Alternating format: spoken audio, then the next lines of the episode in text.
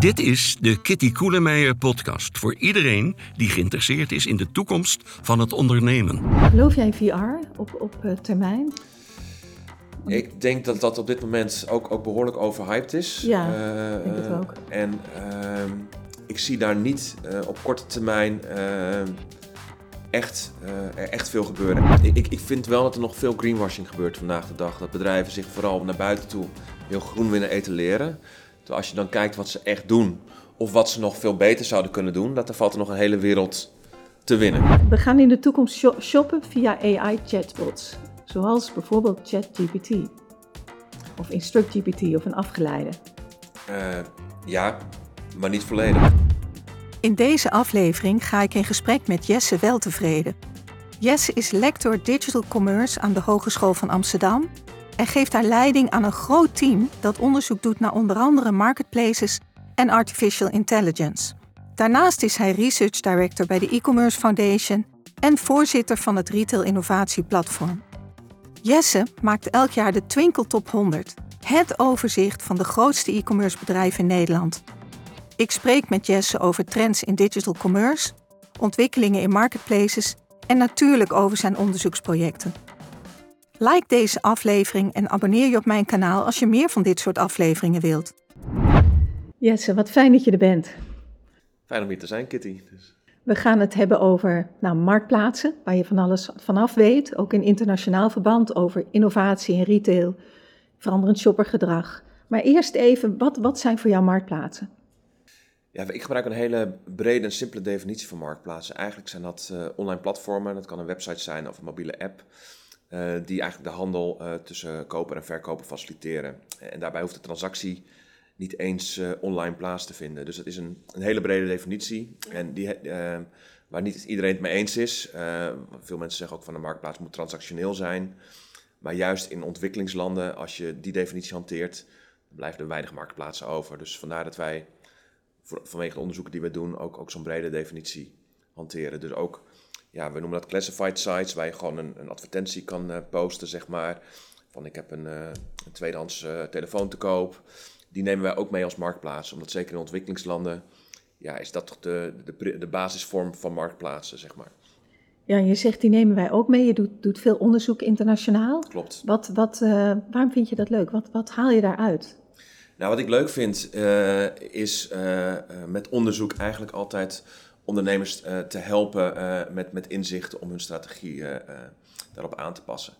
En wat je merkt in ontwikkelingslanden, dat als het gaat om digitale ontwikkelingen, ondernemers nog flink aan de bak moeten. Vaak ook niet weten welke mogelijkheden ze hebben. En nou ja, in samenwerking met, met organisaties als de Verenigde Naties en het International Trade Center willen we dus die ondernemers empoweren door inzicht in de digitale economie te bieden. En, uh, nou, en onder andere marktplaatsen zijn natuurlijk een, uh, mooie springplank voor ondernemers in ontwikkelingslanden om online te gaan verkopen. Zeker als je ook niet de middelen hebt om zelf een, een professionele webshop uit de grond te stampen. Dus je, je richt je op veel meer dan Nederlandse ondernemers die, die willen exporteren, hè, of die ja. in het buitenlandse marktplaatsen willen verkopen, maar ook echt op die buitenlandse ondernemers. Ja, dat is, dat is zo gegroeid. Dus ja. op een gegeven moment kom je dan in contact met, met de Verenigde Naties en dan hebben wij de tooling en de capaciteit in huis om ook in die landen onderzoek te gaan doen. En ja, zo hebben we eigenlijk het hele Afrikaanse continent in kaart gebracht wat er aan marktplaatsen zit. vervolgens hebben we Latijns-Amerika gedaan.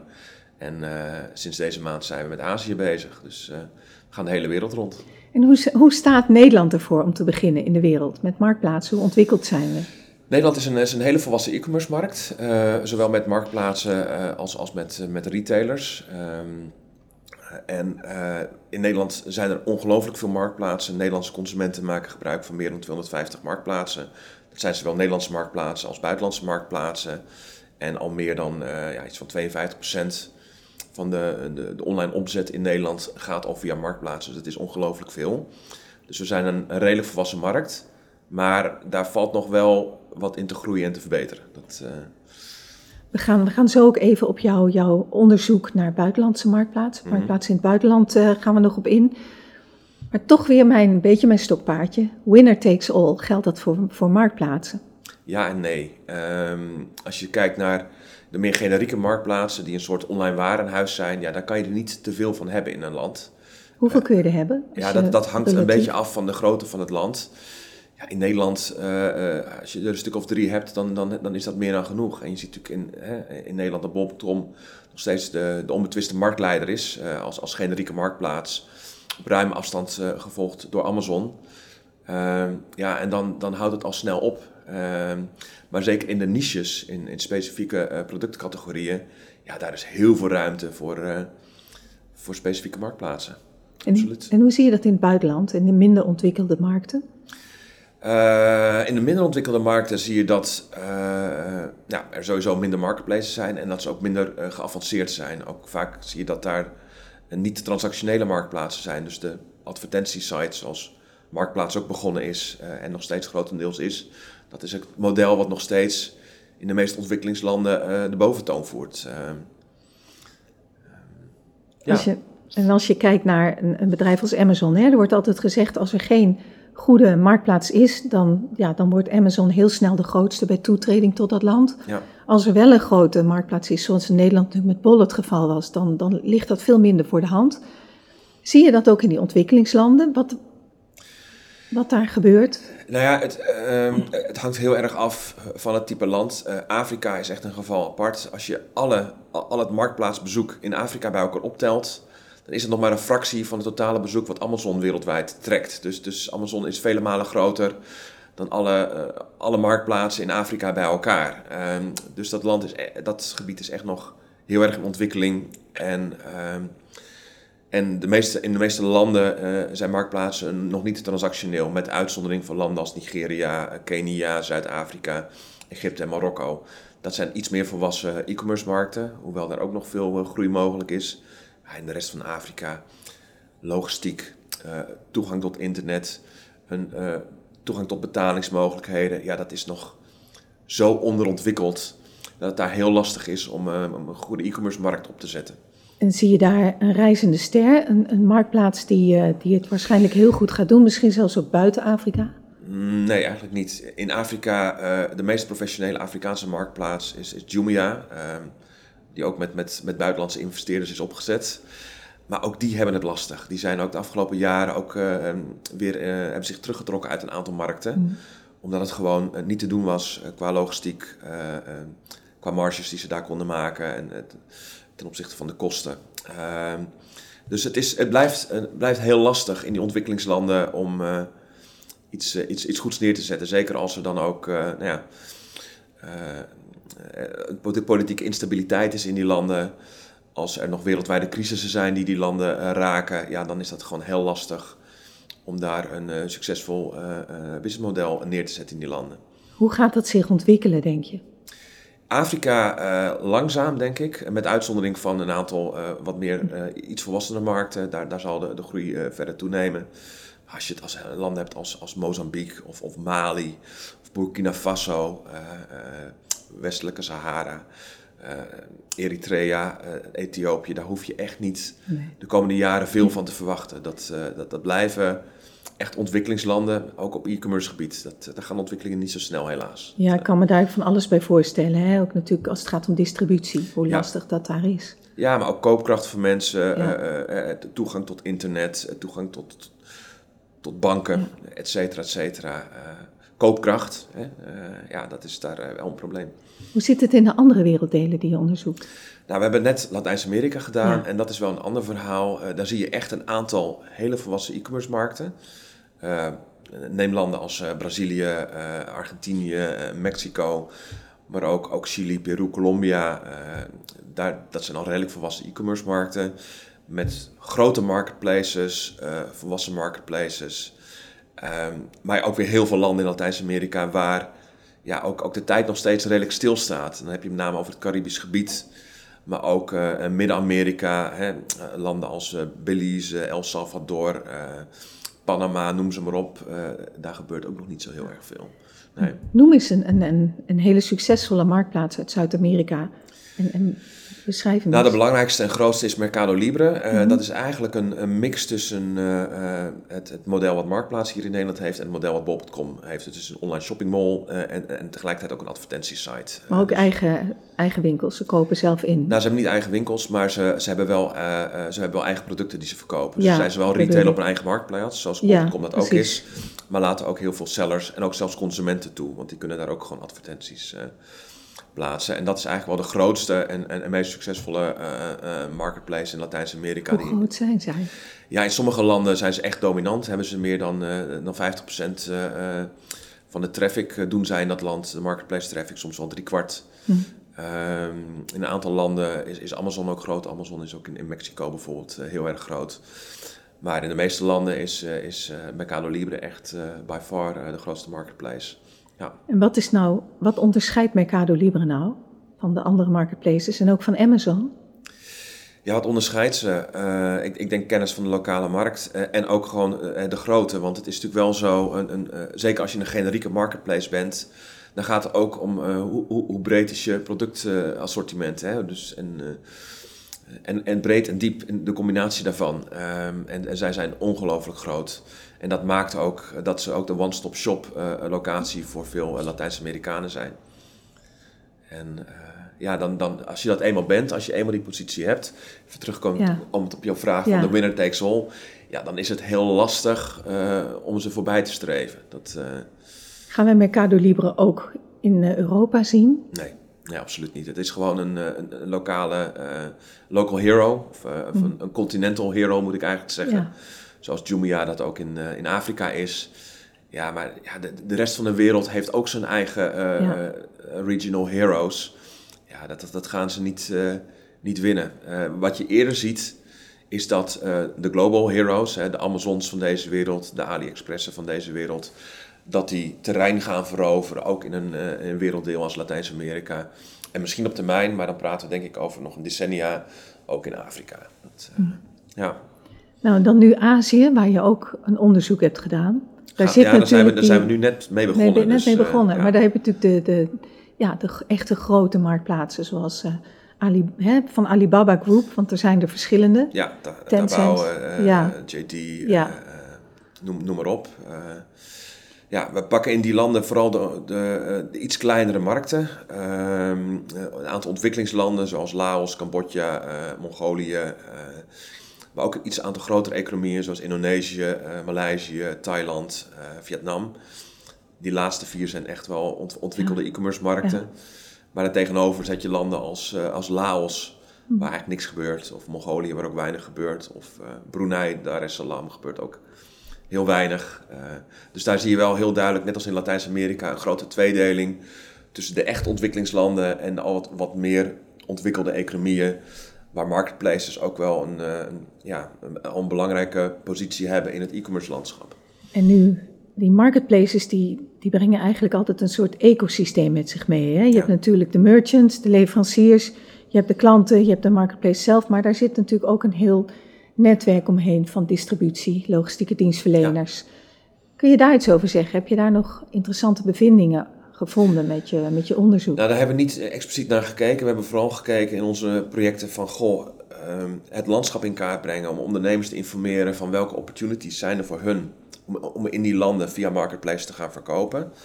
En het mooie daarvan is, als we dan ook eh, feedback terugkrijgen van ondernemers, dat ze zeggen, goh, wist niet dat we eigenlijk zoveel Nee. mogelijkheden hadden om online te verkopen.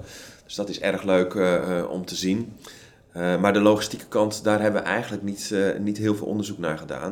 Het is natuurlijk wel een belangrijke succesfactor, ook, ook voor Ja. de marketplace, eh, Ja, om ook, ook ja, blijvend aan de top te zijn in een land. Dat je er ook voor zorgt dat je ehm, met goede payment service providers werkt, maar dat je ook ehm, goede logistieke diensten levert. En ook zeker in ontwikkelingslanden dat je ook allerlei logistieke services aanbiedt voor de merchants. Hè? Dat, Ja. die misschien geen eigen warehouse hebben of het lastig vinden om de logistiek te regelen en eh, de fulfillment. Ja, dat je ze daar ook probeert op te ontzorgen. Kun je een concreet voorbeeld noemen van zo'n aanbeveling, hè? Van uit, uit jullie onderzoek, dat, je zegt, nou, ondernemers, dit is een fantastische kans.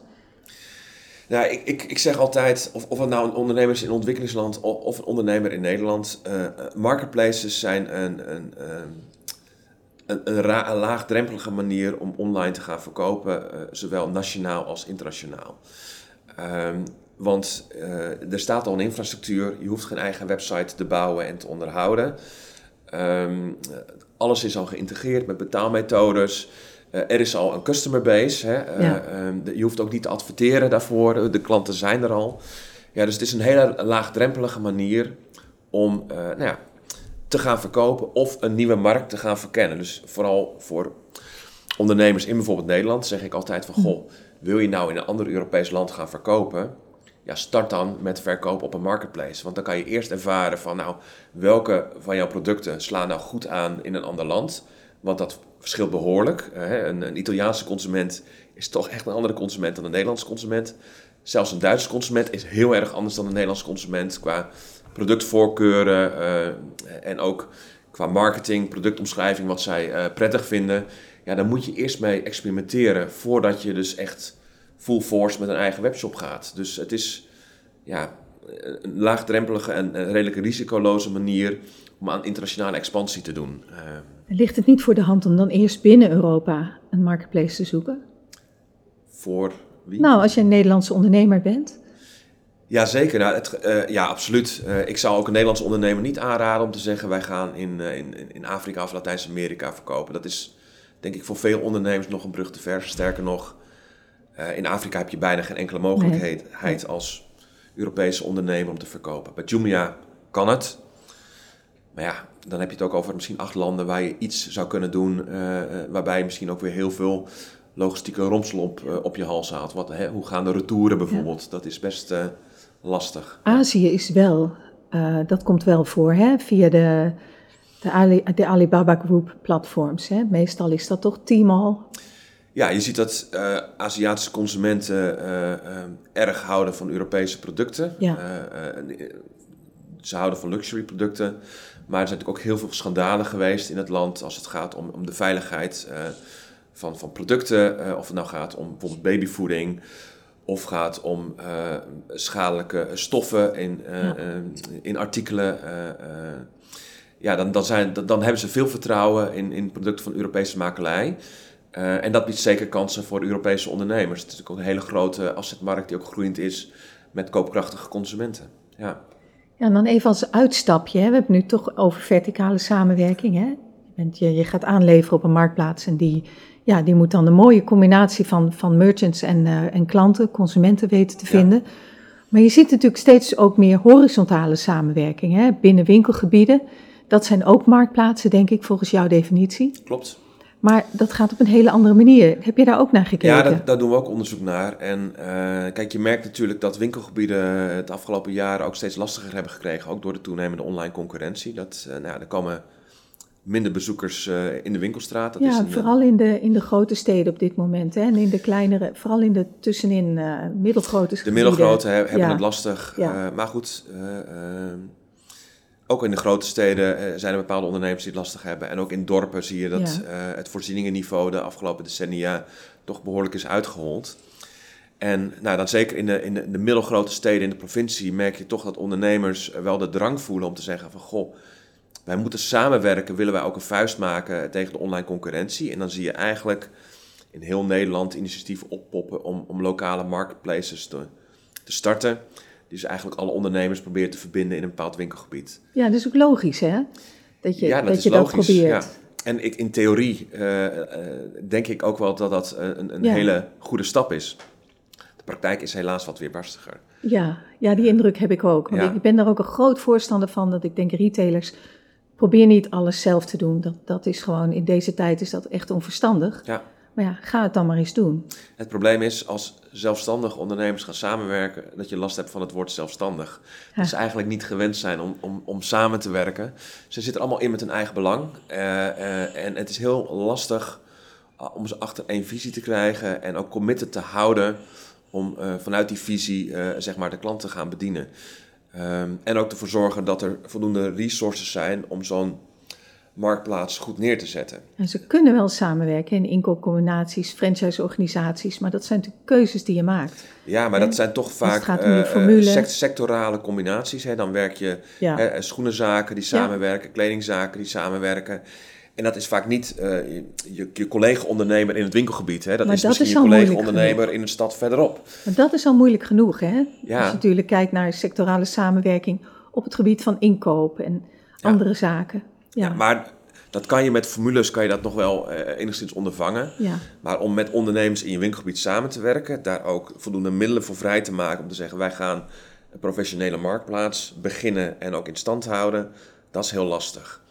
En waar het vaak misgaat, is dat de gemeente zegt, ja wij, wij zien die behoefte ook. Wij, wij gaan middelen vrijmaken om zo'n marktplaats op te zetten. Daar steken ze een aantal ton in.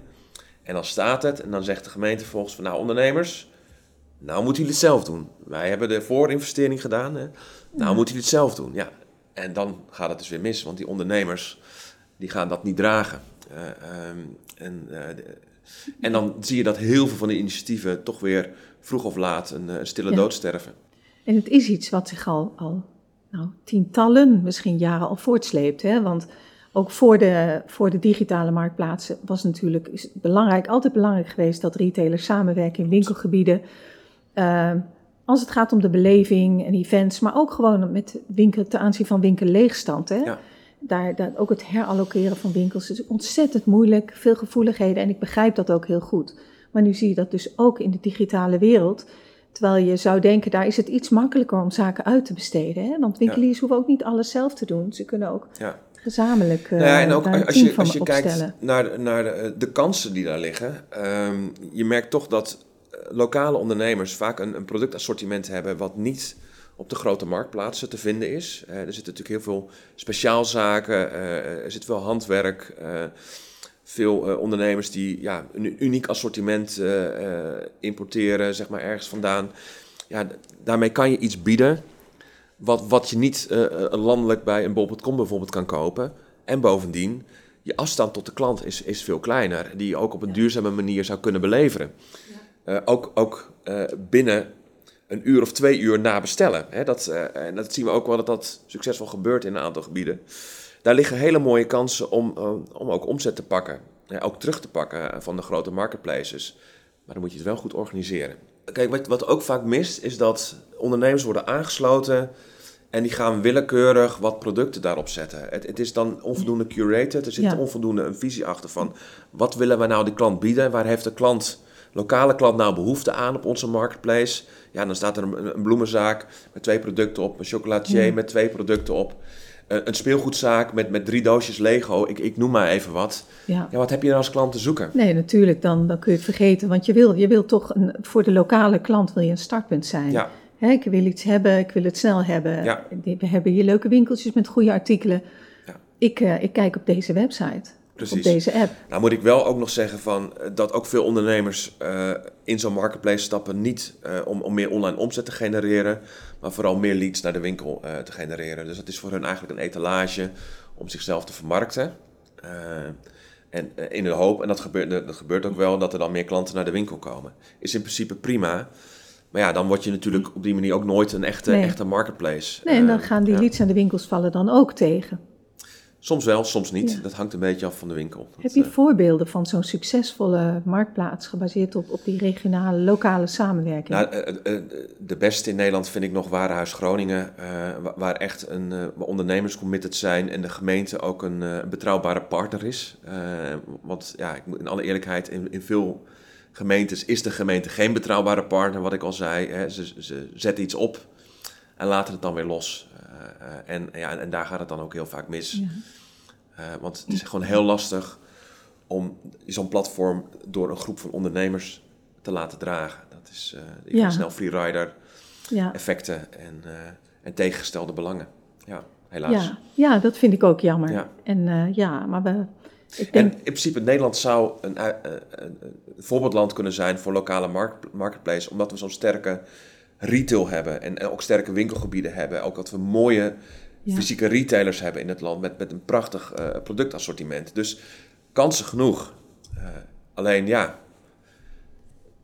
het, het, mist de, de, drive en commitment om, om die kansen ook echt te pakken en vast te houden. Dat, het, is, het is al lang niet meer een kwestie van, van betaalbare software en IT. Nee. Dat misschien dat een aantal, aantal retailers daar een vroeg stadium mee begonnen zijn en daar een beetje van teruggeschrokken zijn van de investeringen, maar op dit moment is dat al lang niet meer zo. In principe is dat geen probleem, nee. maar dan is nog wel de wil van wil jij ook bijvoorbeeld je data delen. Ja, ja. Hè? En dat is ook al een dingetje van goh, ja. uh, daar hebben ook heel veel ondernemers moeite mee. Dus het, het moet ook in de mindset, in de cultuur wel wat veranderen. Want je merkt toch wel dat heel veel ondernemers nog niet echt een, een, een data-driven mindset hebben, om het zo te zeggen. En ook het besef dat ook al deel jij je data, dat nog niet betekent dat jouw directe concurrent toegang heeft tot die data. Klopt, ja. Maar dat denken veel ondernemers direct wel. Ja. Uh, als, als zij aan de, aan de, de, de coördinator van zo'n marketplace, die zegt van ja, ik wil natuurlijk echt weten van, ik wil alle orders op één hoop kunnen gooien, ik wil uh, klantprofielen kunnen aanmaken, ja. ik wil uh, aan marketing kunnen doen. Ja, als die ondernemers dan zeggen nee, je mag mijn data niet gebruiken, dan heb je wel een probleem. En dat zien we in een aantal gebieden gebeuren. En dat, ja, dat, dat werkt niet echt. Nou, bij deze een oproep. Absoluut, ja. Ja. ja. Nou maak jij ook, of jij levert input voor de Twinkel 100. Ik maak hem ook. Ja. Je maakt hem ook echt samen helemaal met zelf. Ja, Ja. samen met Twinkel. En dat is toch altijd wel een lijst waar iedereen naar uitziet elk jaar. Ja, want op die lijst staan de 100 belangrijkste. De 300 zelfs. Ja, de, goed heet Twinkel 100, ja. Ja, we, ja, we hebben daar lang over gehad. De lijst is steeds langer geworden, van 100 naar 250 en nu naar 300. Alleen, ja, die naam is, is zo'n merk geworden Ja, dat we vasthouden aan de Twinkel 100. Eh, maar het zijn er inmiddels 300. Dus, maar dat eh, zijn dus marktplaatsen, ehm omnichannel winkels met een marktplaats, Ja. die pure eh, players. gerangschikt, ook gewoon e-commerce Ja, pure players. ja, ja, hoeft ja. geen marktplaats te zijn. nee, Nee, dus online, online, B2C is ja. het Nou, eigenlijk. sterker nog, tot vorig jaar stond, mochten marktplaatsen niet eens op de lijst staan. Dus we hadden een, een criterium dat als meer dan 50% van je omzet eh, eh, van third-party sellers kwam, dan mocht je niet meer op de lijst komen te staan. Alleen dat werd een probleem. Want er zou bol eraf vallen. Dan valt Bol eraf, Ja. dan valt Amazon eraf Ja. en dan vallen er een heel, heel wat meer af. En eh, zeker nu je ook ziet dat ook grote retailers in toenemende mate een eigen marketplace starten. Dus die definitie was niet meer houdbaar. En vorig jaar hebben we met, eh met Twinkel besloten om de definitie aan te passen en, en ook marketplaces gewoon toe te laten in de lijst. Ja. En ik heb daar een aantal vragen over. Ja, dat mag. Eh, onder andere, hoe, ehm, hoeveel, wat, welk deel van, van die ranking is nou giswerk? Hè? Want, want je kunt natuurlijk heel veel informatie achterhalen. Ik denk dat het, misschien kan het wel niet beter dan, dan Ja. wat jullie samen doen. Maar daar zit natuurlijk toch een, eh, ik, het lijkt een beetje de quote 500. Hè? Daar, daar Ja, zit ook dat- veel giswerk in. Ja, het, is- het, is, En, ook een, het eh, is ook een beetje de, de, quote 5, of de quote 300 in dit Ja. geval van e-commerce land. Maar krijg jij dan ook eh, e-commerce bedrijven die, die zeggen van ik, eh, of, ja, of retailers die zeggen ja, je zit er zo naast Jesse, dit, dit had je niet moeten doen. Ja, dat gebeurt. E- Even op, op je eerste vraag, van, Ja. daar zit zeker giswerk in. Ehm, kijk, wij, wij sturen altijd een, een enquête uit naar alle ondernemers waarvan wij denken dat ze in potentie op de lijst zouden, zouden moeten horen. Ehm, die krijgen de kans om zelf hun omzetcijfer, eh, hun Nederlandse e-commerce omzet aan te leveren. Ehm, daar maakt eh, nou, zeg maar, eh, tussen de 30 en 40 procent van de ondernemer- ondernemers elk jaar gebruik van. Wat betekent dat nou ja, zo'n 60 procent van de ondernemers dat dus niet doet. Ehm, Maar er en zitten ook kleintjes bij die denk ik, komt toch niet op die lijst, of niet? daar zitten kleintjes bij, er zitten ook grote bij. Er zitten bijvoorbeeld familiebedrijven bij die, die per definitie nooit eh, eh, omzetcijfers bij eh, die delen. Er zitten beursgenoteerde, beursgenoteerde ondernemingen tussen. Er zitten ondernemingen in buitenlandse handen tussen die ook vanuit de directie niks mogen delen. en ondernemers die gewoon zeggen van ja, het gaat je gewoon niks aan. Ja, wat mijn omzet is. eh, dus ja, daar heb je mee te maken. Dus ja, het is ook. Naast het feit dat we cijfers hebben en krijgen van, van heel veel bedrijven, eh, is het ook hard werken om eh, toch een, eh, een redelijk betrouwbare schatting te maken. En kun je een tipje van de sluier oplichten, hoe je dat dan doet? Ja, dat kan. Nou, we zijn natuurlijk gezegend.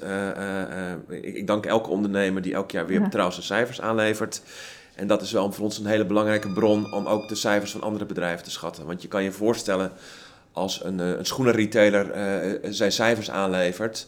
Eh, eh, dat, en, eh, en wij weten, wij, hebben wij, wij kunnen een inschatting maken van het websitebezoek van elke retailer in, in Nederland. Eh, ehm, en als je dan, dan kan je natuurlijk een ratio berekenen. Je zegt van nou, we weten de omzet van, van retailer A, we weten zijn websitebezoek. Dan, dan kan je dus de omzet per bezoeker berekenen. En nou, als je dan een andere retailer hebt die niks heeft aangeleverd, maar een gelijksoortig bedrijf is, dan kan je natuurlijk diezelfde ratio toepassen op, het, op het aantal websitebezoekers van dat bedrijf. Nou, op die manier, dat is, dat is een belangrijke manier om, om tot de schatting te komen. Ja, als het vergelijkbare assortimenten zijn, dan kan dat. Maar dat is ook niet altijd zo. Dat is niet altijd zo, uh, absoluut. Dus daar, daar, daar, kijk je wel kritisch naar. En natuurlijk, ik, ik kan de, uh, de conversieratio kan, kan heel anders liggen. Uh, de ordewaarde kan heel anders liggen en noem maar op. Maar je, je, moet roeien met de riemen die je hebt. Dit is voor ons een belangrijke manier. andere manieren zijn dat we toch ook de media uitpluizen. Het zijn toch vaak ondernemers die ergens een interview geven of toch ergens een keer in een persbericht een cijfertje laten vallen. Of dat we toch uh, uh, links en rechts nog het nodige uh, onder tafel toegeschoven krijgen. Van nou, wij weten uit betrouwbare bron dat dit bedrijf vorig jaar dat en dat gedaan heeft.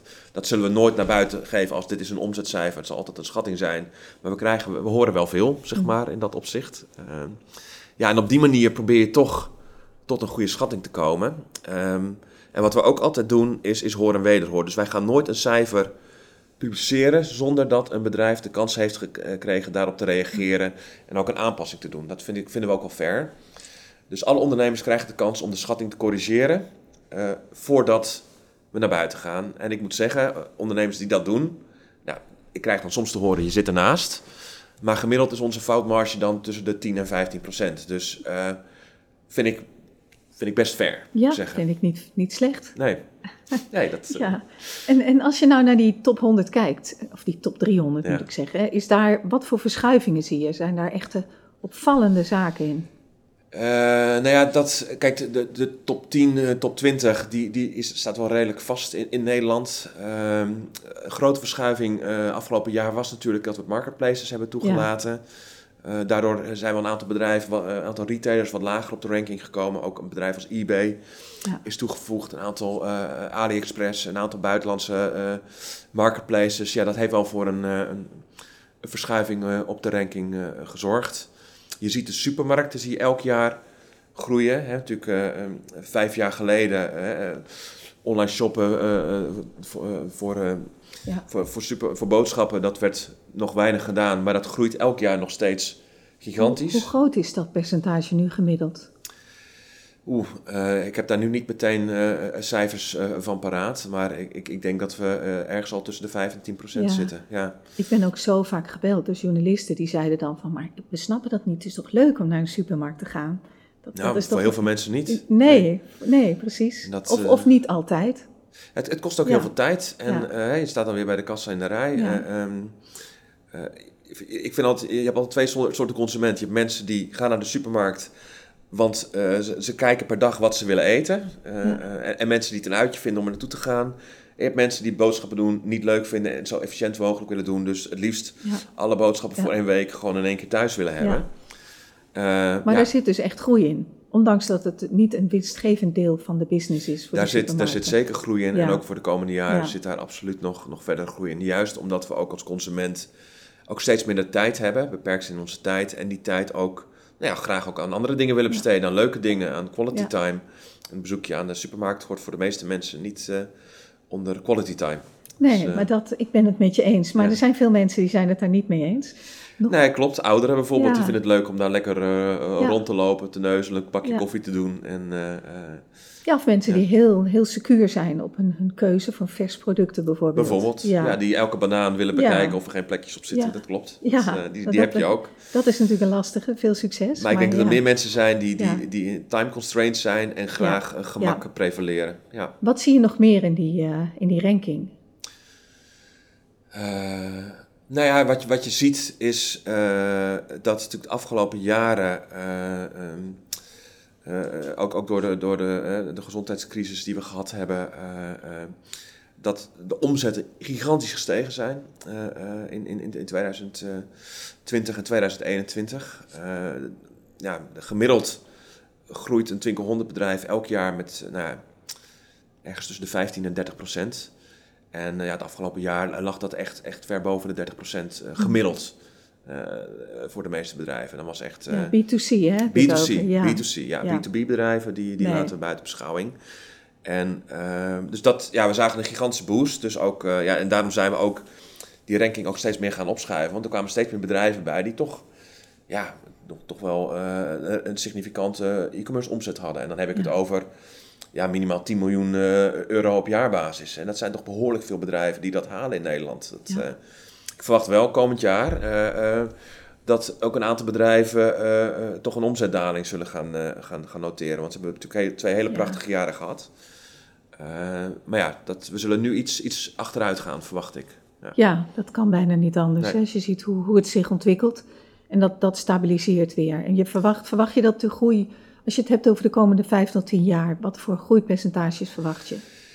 Ik verwacht uh, voor de komende vijf tot tien jaar, uh, ja, tien jaar is wel heel lang. Uh, zeg, ja, maar voor, de, voor, zeg maar voor de komende vijf jaar verwacht ik zeker nog een groeipercentage van, van tussen de 5 en 10 procent.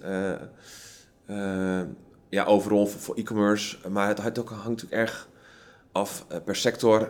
zoals ik al zei, Ja. de, de top groeit gemiddeld ja, tussen, dus, tussen, tussen, tussen de 15 en, en 30 procent per jaar in, in, in Nederland ja, de hele grote natuurlijk niet meer. Hè. Nee. Een bol gaat echt niet meer met, uh, met, met 30% per jaar groeien. Uh, Nee. die, die, die, ra die, die raken een beetje verzadigd. Uh, maar ja, zeker de subtop en, en, en zeg, de, de bedrijfjes aan de onderkant, ja, daar zit natuurlijk heel veel groei is daar nog mogelijk. Dus daar zullen die percentages wel wat hoger zijn. Um, ik denk wel dat, ja, e-commerce is natuurlijk al volwassen in Nederland en, en wordt steeds volwassener nog steeds. Dus de, de, de groei blijft structureel, Ja. maar zal iets afvlakken. En uh, is mijn verwachting. En zijn er nog sectoren waar je een, een grote groei verwacht? Nou, ik denk in food verwacht ik nog wel Ja. een grote groei. En niet alleen in supermarkten, maar ook, ook in, uh, in food speciaal. Ik verwacht in, uh, in, in, in, in wonen, woonaccessoires ook nog wel een, Hm. een, een nodige groei. Bijvoorbeeld in, uh, in, in, cadeaus uh, en personalized gifts. Ik denk dat daar nog een grote groei is. maaltijdbezorging of, of de HelloFresh concepten. Ik denk dat daar ook nog een, een, een grote groei is. En ook, ook in bedrijven die een, een duurzaam assortiment bieden.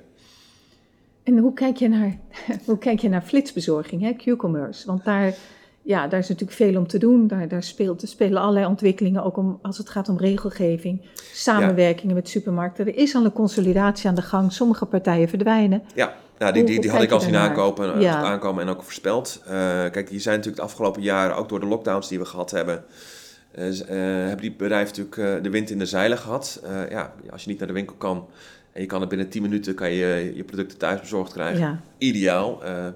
Als daarbij ook nog uh, flinke kortingen worden gegeven op je bestelling, hè, dan, uh, ja, dan, dan wil dat wel. maar goed, het was natuurlijk echt een, een cowboy-tijd waarin het zaak was om in korte tijd zoveel mogelijk marktaandeel te veroveren. Ja, en dan weet je gewoon dat er een consolidatie komt en dat het niet uit kan dat er drie, vier, vijf flitsbezorgers in één klein gebied actief zijn. Dat, dat werkt niet.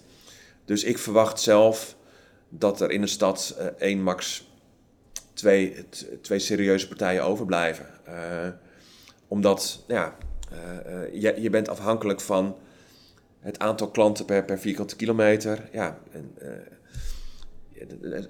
zoveel concurrentie kan je dan niet gebruiken nee. om dat model winstgevend uit te baten. Even los van de, de gemeentes ja. en de weerstand en de regelgeving ja. die daarbij komt kijken. Ja. En hoe gaat, gaat zich dit ontwikkelen? Hè? Want het is natuurlijk ultieme convenience. Het is, het hyperconvenience, zoals ik het altijd noem. En je kunt er allebei modellen bij voorstellen. Hè? Samenwerking met supermarkten, zoals je al met Jumbo en Gorilla zag. Ik weet niet precies hoe dat er nu voor staat. Ik hoor er niet zo heel veel van. Nee, maar, maar goed, dat was natuurlijk een, een, beweging. Dan heb je Blokker die natuurlijk... Uh, ja, dus je kan zeggen in de non-food. Je kunt ook weer aan de winkelgebieden denken. Ja.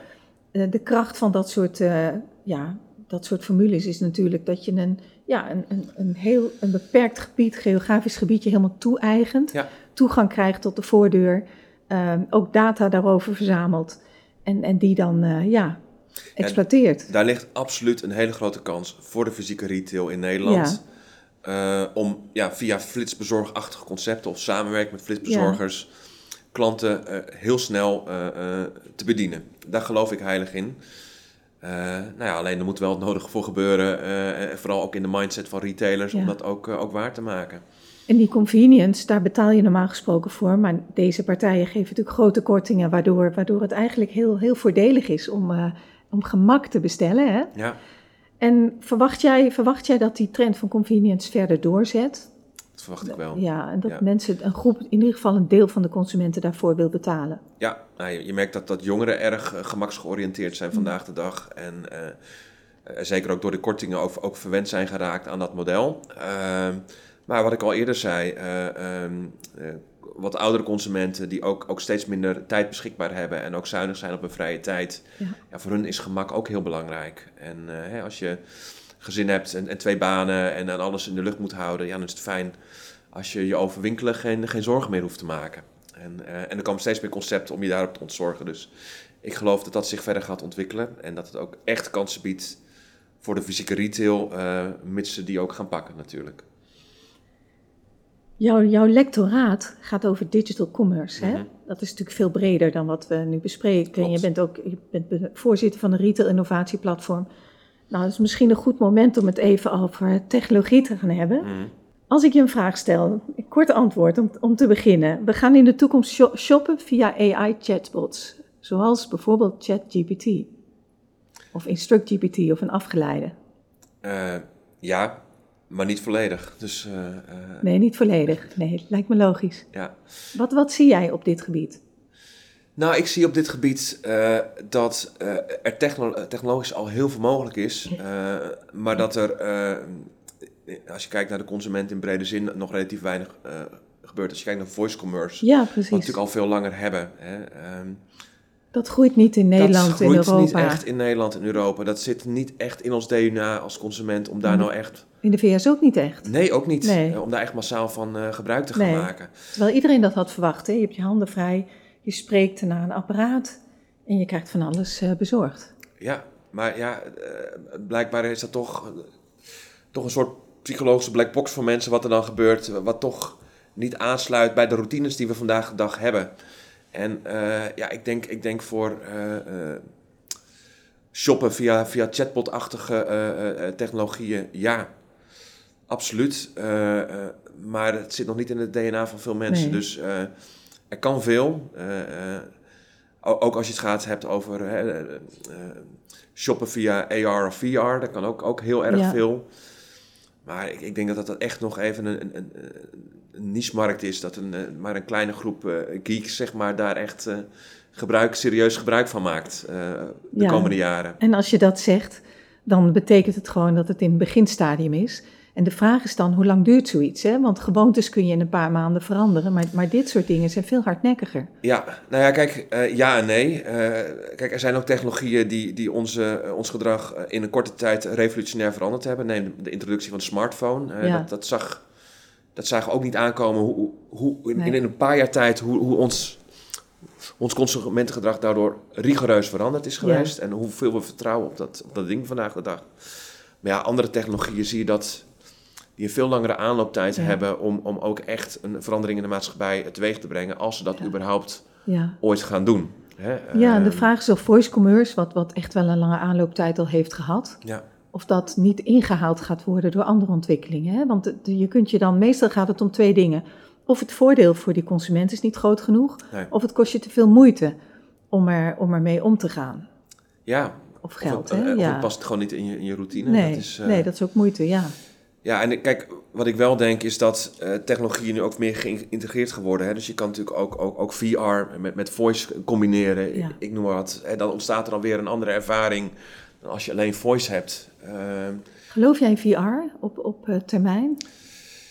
Ik denk dat dat op dit moment ook, ook behoorlijk overhyped is. Ja, ik denk het ook. En ik zie daar niet op korte termijn echt, uh, er echt veel gebeuren. Er zijn, natuurlijk zijn er business cases, zeker als je het hebt over ja, global brands, die daar een bepaalde community ja. neerzetten en, en bepaalde engagement, zeg maar, met in interactie met, met hun klanten aangaan. Ja, daar zijn, daar zijn wel cases voor te maken. Maar voor een ja, voor het gewone shoppen, de, de, de, de normale interactie tussen retailer en consument daar zie ik niet heel snel dat, dat daar een aardverschuiving gaat plaatsvinden. Nee. ik, ik, denk dat daar de, de, de, routine, in ieder geval voor de Nederlander, moeilijk in, in te wijzigen is. ja, en ik stel de vraag ook omdat we hebben kunnen zien hoe snel ChatGPT geadopteerd wordt. Hè? Hoe snel dat zich een weg vindt. Ja, en, en dan in andere domeinen. Hè? Dan gaat het om, om, uh, om content, het gaat om uh, onderwijs. Daar, daar zie je natuurlijk dat opkomen. Maar ja, wie had verwacht dat dat zo snel zou gaan? Ja, dat, dat is echt revolutionair. En, en dat, dat raakt heel veel sectoren direct. Nou ja, we werken beide in het onderwijs. dus uh, ja. daar moeten we mee, mee dealen als, ja, dat gaan we ook, ook doen. als docenten. Hè? dat, dat gaan we ook doen. maar goed, daarnaast um, zitten we ook beide in, in, in het marketingvak en leiden ook marketeers op. En wat ik wel echt geloof is dat het marketingvak echt, echt rigoureus verandert door technologie als, als ChatGTP. Want die maakt ja, echt een deel van de marketingwerkzaamheden overbodig. Dan wel een stuk efficiënter. Uh, en dat ja. vraagt echt wel wezenlijk andere skills, een andere mindset van toekomstige marketeers. Ik maak toch altijd het onderscheid tussen marketing als vakgebied en marketing als functie binnen ondernemingen. Mm-hmm. Want als vakgebied is het natuurlijk vooral een manier van denken in termen van toegevoegde waarde, ja. het creëren, het, het leveren, um, de klantgerichtheid, maar ook het, het toe-eigenen van waarde. Ja. En uh, in, in, on, in ondernemingen is marketing natuurlijk vaak ook een, een afdeling die zich bezighoudt met, met contentcreatie, met ja. communicatie, misschien zelfs hè, met adverteren. Dus daar in die, in, in die wat beperktere domeinen, daar gaat ChatGPT zeker heel veel betekenen. Ja, als je het hebt over de marketingoperatie, dus echt ja. het creëren van content. Ja. Of je bent een SEO-specialist, of, ja. of, je maakt content voor social media, of, of je maakt uh, uh, promotiefilmpjes voor producten of, of voor je bedrijf, uh, ik, ik, noem maar wat. Ja, dat, dat zijn allerlei taken die, die straks heel efficiënt en misschien zelfs al beter met AI ge gemaakt kunnen worden dan door een fysiek persoon. En dat, dat gaat een bedrijf natuurlijk uh, flink in de kosten schelen. Ja. Maar ja, dat betekent ook dat er behoorlijk wat banen op de tocht kunnen gaan staan. Ja, en dan is het een beslissingsondersteunende tool eigenlijk, hè? Die, je, die, die je kunt gebruiken om van alles te doen. En dat, dat kan misschien wel 50% wat meer besparing opleveren als je het zo wil nou, Het is niet alleen een beslissingsondersteunende tool. Het is ook een tool die gewoon het, het creatief werk uit handen neemt. Als je ziet... Volledig. Volledig. Als je al ziet dat AI... Uh, complete beelden kan creëren, complete video's kan creëren, uh, complete blogposts of, of, social media posts uh, kan creëren op een niveau waarvan je zegt, die, die zijn voor de leek bijna niet meer te onderscheiden van, uh, van wat, wat een, traditionele marketeer kan produceren. Ja, dat is, is natuurlijk best scary als je, als ja, je zo'n beroep hebt. Ja. Ik denk uiteindelijk wel. Maar nu op dit, op dit moment is het natuurlijk toch zo. Uh, kijk, coding, daar, daar kan ChatGPT heel veel in doen. Maar op dit moment is het wel zo dat, dat, het, dat de software natuurlijk nog getraind moet worden, hè, het algoritme. Dus er zit ook veel onzin tussen. En, en ja, ik denk dat je toch wel de, de human touch nog nodig hebt. In veel gevallen ook bij content. Dat denk ik ook. Uh, maar onderschat niet uh, hoe snel die systemen ja, uh, getraind en geleerd zijn. Ik denk dat dat sneller gaat dan we denken. Kan binnen een jaar gebeurd zijn, hè? Ja, ja. als je naar ChatGTP kijkt, als je ook al het verschil ziet tussen de, uh, de Engelse teksten die uitgespuugd worden en de Nederlandse ja, teksten. Ja. Daar zit al een wereld van verschil tussen. Ja. De Engelsen zijn zoveel, vele malen beter. Um, maar wat natuurlijk wel zo is, um, is dat die programma's als ChatGTP, um, die kunnen veel. Maar die, ja, die, die uh, leunen natuurlijk wel op, op de input. Hè? Dus de, de, de trainingsinput die ze gehad hebben. En uh, wat je natuurlijk wel merkt, is dat als het gaat om een specifieke context, uh, een specifieke marketingcontext, uh, het jargon binnen een bepaalde sector, uh, de, de, de, specifieke tone of voice die je nou, in een bepaald marketingdomein hebt. Ja, dat is natuurlijk heel lastig in een aantal gevallen om, om, om door zo'n AI te laten produceren. dan moet hij nog veel breed, beter en, en, en uitgebreider getraind gaan worden daarop. Het kan allemaal wel, uh, maar als het heel specifiek wordt, ja, dan, dan blijft toch die human touch wel voorlopig belangrijk. En sowieso moet je altijd nakijken wat eruit komt. Nou ja, goed, we weten ook allemaal uh, hoe lastig het is om, om een klantvriendelijke chatbot te ontwikkelen. En, uh... Ja, en ook die, dat onderscheid, je, wat, wat ook heel belangrijk is, mensen komen op je homepage. Welke vragen beantwoord ik met een chatbot? En voor welke vraag heb ik wel, wel degelijk een, een, een echt persoon nodig aan de telefoon? Ja. Die, die beslissing is ook al een moeilijke. Klopt. En los van het feit uh, dat er klanten zijn die gebruik maken van de chatbot en ook klanten zijn die daar wars van zijn Ja. en ook de komende jaren wars van zullen blijven. Maar dat moet je, dat, dat moet je dus zien te selecteren. Hè? Dat is niet eenvoudig. Nee, Nou ben jij betrokken bij een heel groot onderzoeksproject op het gebied van artificial intelligence. klopt. Ja, ja wij, doen, eh, eh, wij gaan met vijf research universities in, in Nederland onder leiding van de Universiteit van Amsterdam eh, en een aantal grote eh, retailers en, en, en dienstverleners in Nederland eh, chatbots optimaliseren. Eigenlijk vanuit de gedachte eh, dat ja, chatbot-technologie vraagt veel trainingsdata, hebben we net al gezegd, en, en vreet daardoor ook heel veel energie. En dat moet slimmer en efficiënter kunnen. En nou, daar is fundamenteel onderzoek voor nodig. En ja, vanuit de research universities, die, die, die denken ook wel dat dat slimmer kan. En die gaan daar met ons fors op inzetten. En daarnaast wat je merkt met chatbots, is dat een chatbot die, die goed werkt in het ene domein, hè, die bijvoorbeeld eh, goed werkt voor een fashion retailer, die kan je niet zomaar inzetten voor een verzekeraar. Omdat dat toch een heel ander domein is, met een ander eh, jargon, een andere manier van benadering van klanten. Dus ook, we noemen dat eh, domain adaptability. Ook, ook, ook dat is relatief laag nog van chatbots op dit moment. En, en daar willen we in het project ook naar gaan kijken van kunnen we die domain adaptability verhogen. En wij zitten als hogeschool eigenlijk in dat project om die technologie, ja, die fundamentele technologie die, die nou, door de Universiteit van Amsterdam en ook Leiden en andere universiteiten ontwikkeld wordt, om die ook eh, naar het MKB te brengen. Eh, want wat we natuurlijk wel merken als het gaat om technologie eh, en AI en de inzet van data, dat de kloof tussen de grote bedrijven eh, in Nederland en wereldwijd en, en, en de middelgrote en kleine bedrijven, die wordt natuurlijk steeds groter. Ehm, ja, dus we moeten er ook naar kijken van, goh, hoe kunnen we zorgen dat ja, het MKB, het midden- en kleinbedrijf, ook eh, eh, meegenomen kan worden in, in, in die ontwikkelingen.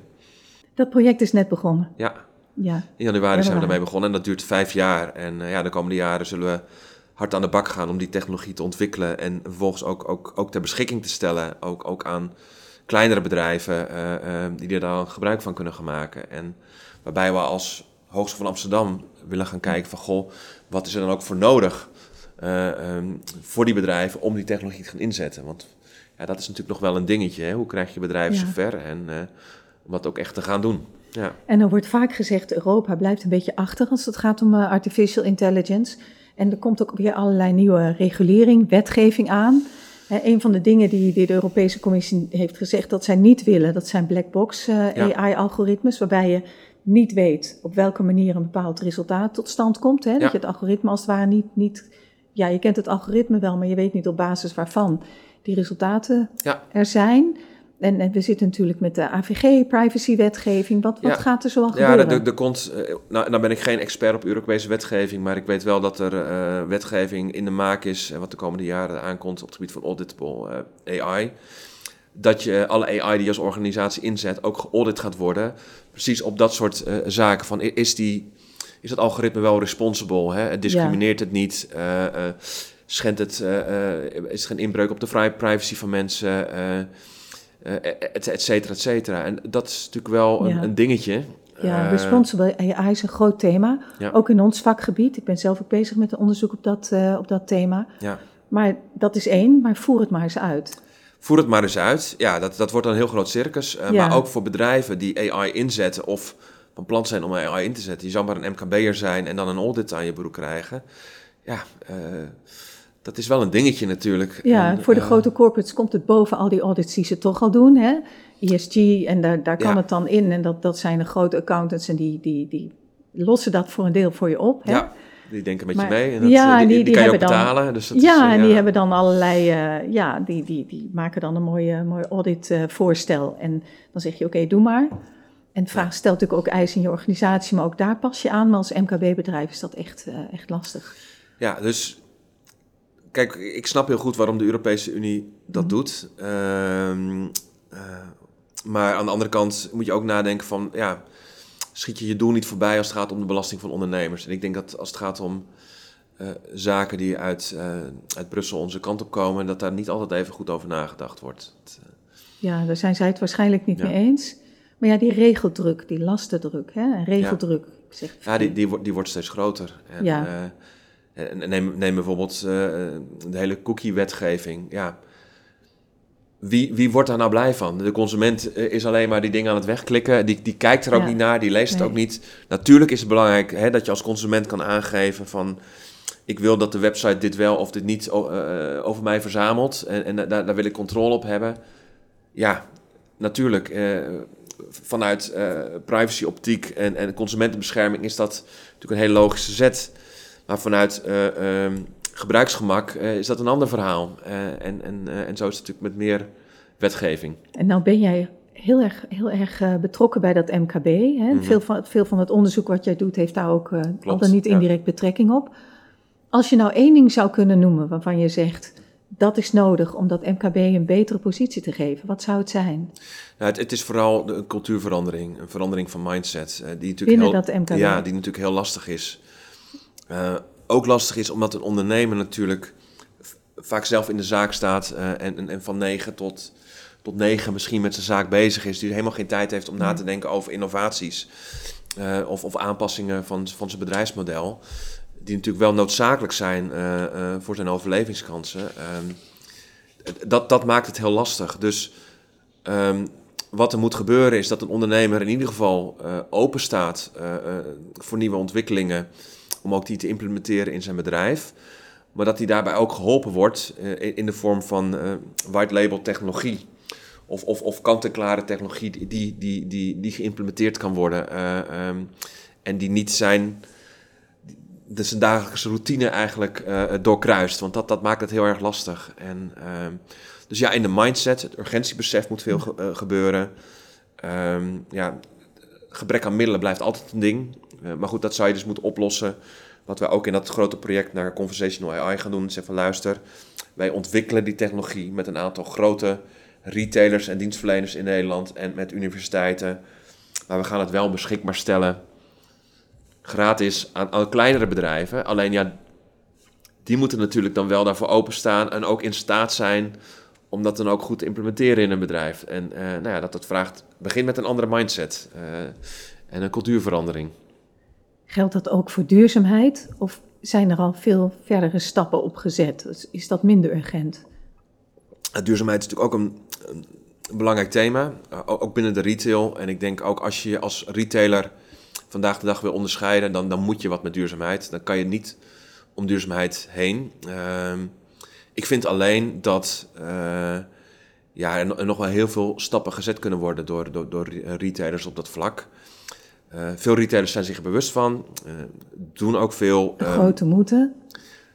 Iedereen moet. Ja, en, en, maar je ziet ook, ik zie ook steeds vaker dat de beloning van bestuurders gekoppeld is aan duurzaamheidsdoelstellingen die ze moeten halen. Ja, Alleen uh, de vraag is wel vanuit welke prikkel doen ze dat dan? Ja, maar ze uh, willen ook. Maar dit, dat gaat hand in hand, hè? Ja, ik, ik vind wel dat er nog veel greenwashing gebeurt vandaag de dag. Dat bedrijven zich vooral naar buiten toe heel groen willen etaleren. Terwijl als je dan kijkt wat ze echt doen, of wat ze nog veel beter zouden kunnen doen, dat er valt er nog een hele wereld te winnen. Heb je daar voorbeelden van? Nou, ik zal, ik zal geen, namen, uh, geen ah, okay. met, met naam noemen. Maar uh, nou, je, ziet, je, ziet, natuurlijk wel dat heel veel bedrijven vooral uh, het, low-hanging fruit pakken. Van, uh, als ze zeggen van nou, wij hebben groene energie of wij hebben een sociaal beleid voor onze medewerkers. wij steunen goede doelen of wij maken gebruik van groen verpakkingsmateriaal of, of wij recyclen al, al, onze reststromen in het bedrijf. Ik noem maar op. Dat is natuurlijk allemaal low-hanging fruit. Uh, maar als het gaat om uh, de duurzaamheid van de producten, bijvoorbeeld die, die verkocht worden en die ze inkopen, nou, daar kan nog heel veel gebeuren. Uh, er zijn maar een handvol bedrijven die, die, die een echt een duurzaam assortiment aanbieden, bijvoorbeeld. en nou, als je kijkt naar de, de milieu-impact, de footprint van, van heel veel bedrijven, is die nou ook alle duurzaamheidsinitiatieven ja, afgezien van alles wat ze al doen, blijft die nog steeds heel groot. Dus ook in ja, de manier van, van business doen uh, mag nog wel heel veel veranderen in mijn optiek. Okay, het is een mooi, mooi thema voor een uh, nieuw project. Of, of doe nou ja, sterker al? nog, ja, uh, um, wij denken ook echt. ik, ik, doe, ik ben nauw betrokken bij onze marketingopleidingen. Ik denk dat ja, sustainable marketing echt ook wel een vaardigheid is voor de toekomst, waar, waar marketeers ook niet meer omheen kunnen. Nee, dat, absoluut. Um, absoluut. Dat ook vraagt, in, ja. ja. dat vraagt wel iets ja. van de van de vaardigheden en, en ook, ook de visie op, op het vak.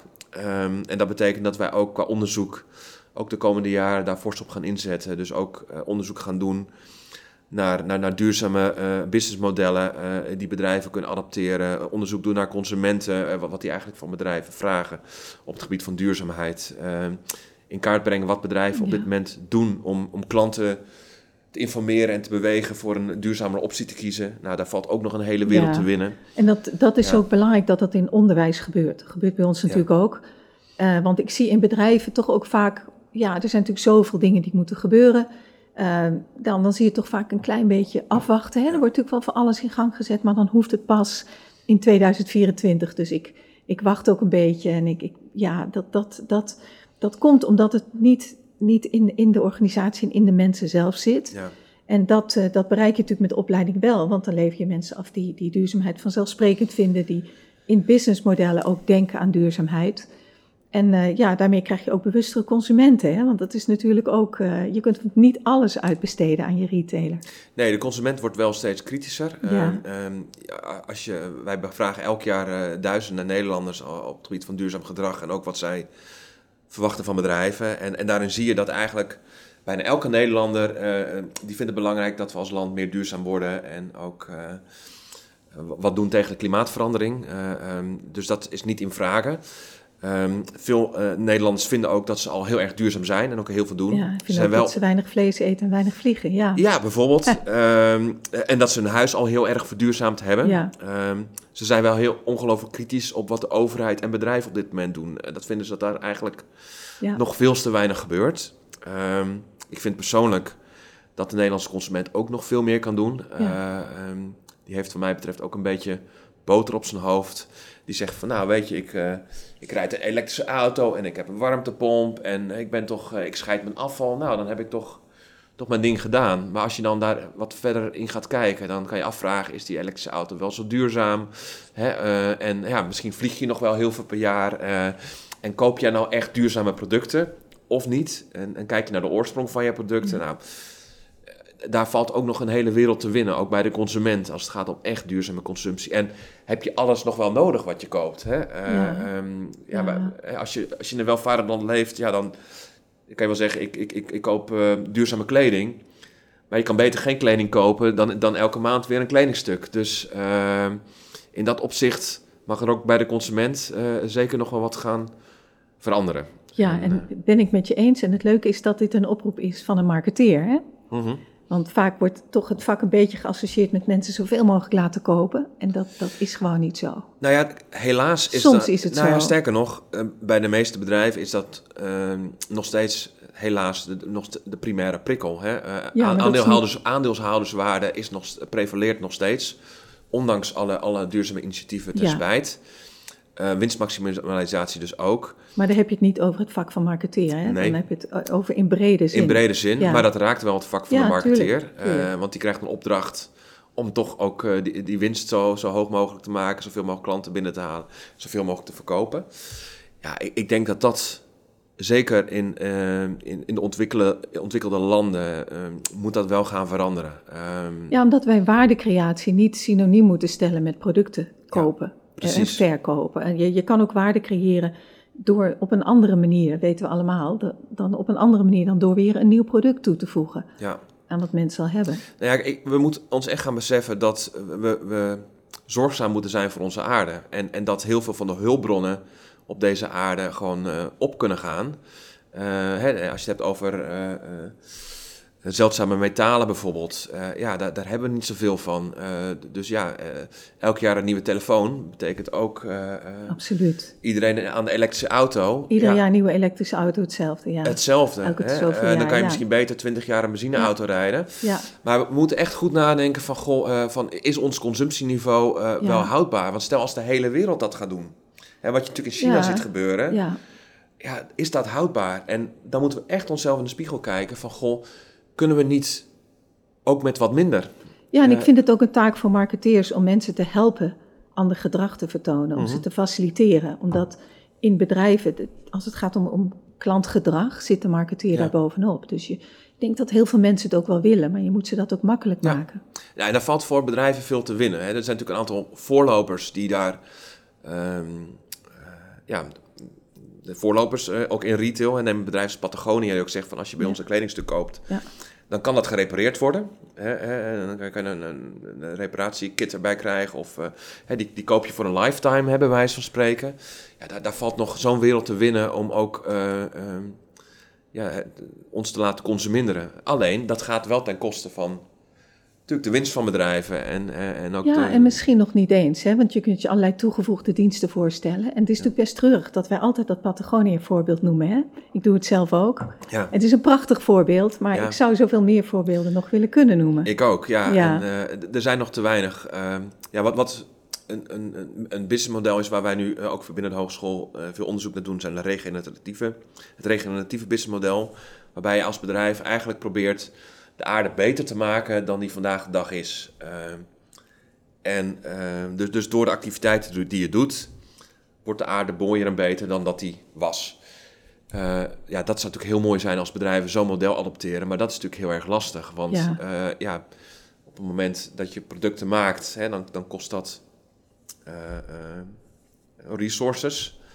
Eh, nou, dan moet je kijken van, goh, kan ik producten maken van vernieuwbare resources die niet ten koste gaan van het milieu. Hè? Ehm, ehm, en kan je er dan ook voor zorgen dat, dat je de aarde niet belast, maar de aarde schoner en mooier achterlaat. Dat, dat, dat zou wel een, eh, een soort toekomstdroom zijn als meer bedrijven zo'n model gaan adopteren. Eh, dan krijgen we een mooie groene, eh, leefbare aarde terug. Maar dat, dat duurt nog wel een tijdje, denk ik. jij eh, noemde naar mij eerder een voorbeeld Just Dig It. Ik heb Mhm. dat vaker gehoord.